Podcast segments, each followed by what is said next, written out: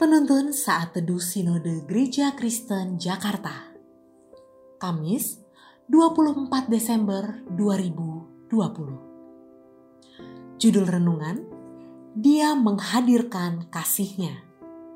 Diambil dari Nat 1 Yohanes 4 ayat 13 sampai 16 Demikianlah kita ketahui bahwa kita tetap berada di dalam Allah dan Dia di dalam kita.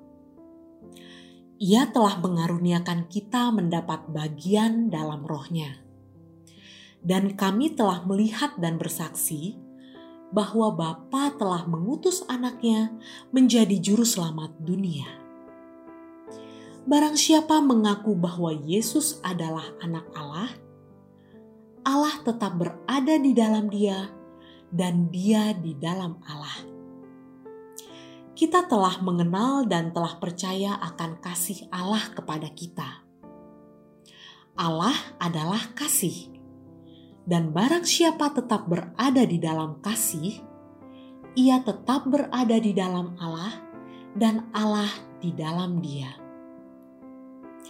Clement Hufbauer yang hidup di tahun 1751 sampai 1820 oleh Gereja Katolik dikenang sebagai Rasul Gereja Vienna karena pengabdiannya yang penuh kasih.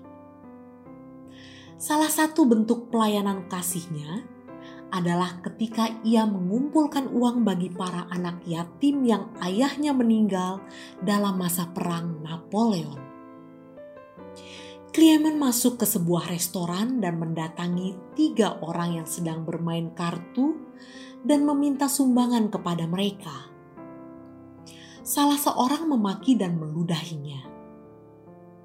Clement dengan tenang mengambil sapu tangan dan membersihkan pipinya dari ludah orang itu dan berkata, "Terima kasih untuk ludah yang telah diberikan kepada saya. Apakah masih ada pemberian yang lain untuk anak yatim?" Respon Clement inilah yang membuat orang jahat ini melihat kasih yang luar biasa, sehingga ia merogoh kantongnya dan memberikan seluruh uangnya kepada Clement Hufbauer. Rasul Yohanes menjelaskan dalam perikop ini bahwa Allah telah mengungkapkan kasihnya kepada para rasul melalui Yesus Kristus. Dan para pembaca surat Yohanes telah melihat Allah karena mereka telah melihat Dia dalam kehidupan orang-orang percaya yang saling mengasihi.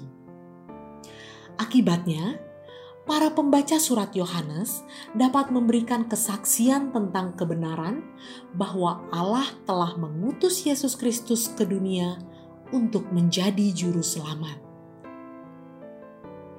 gereja tidak memiliki cara yang lebih efektif untuk bersaksi kepada dunia tentang Yesus sebagai Juru Selamat, selain dengan menunjukkan kembali kasih Juru Selamat dalam persekutuan di dalam jemaatnya. Kehadiran kasih Allah akan terlihat oleh orang-orang di sekitar kita ketika kita menjauhkan pertengkaran, perselisihan, dan dendam kasih di antara kita orang percaya akan menjadi penguat dari berita Injil yang kita sampaikan kepada mereka yang belum percaya. Tidak ada kesaksian Kristen yang lebih efektif selain memanifestasikan kasih Allah dengan mengasihi satu sama lain. Tuhan Yesus memberkati kita semua.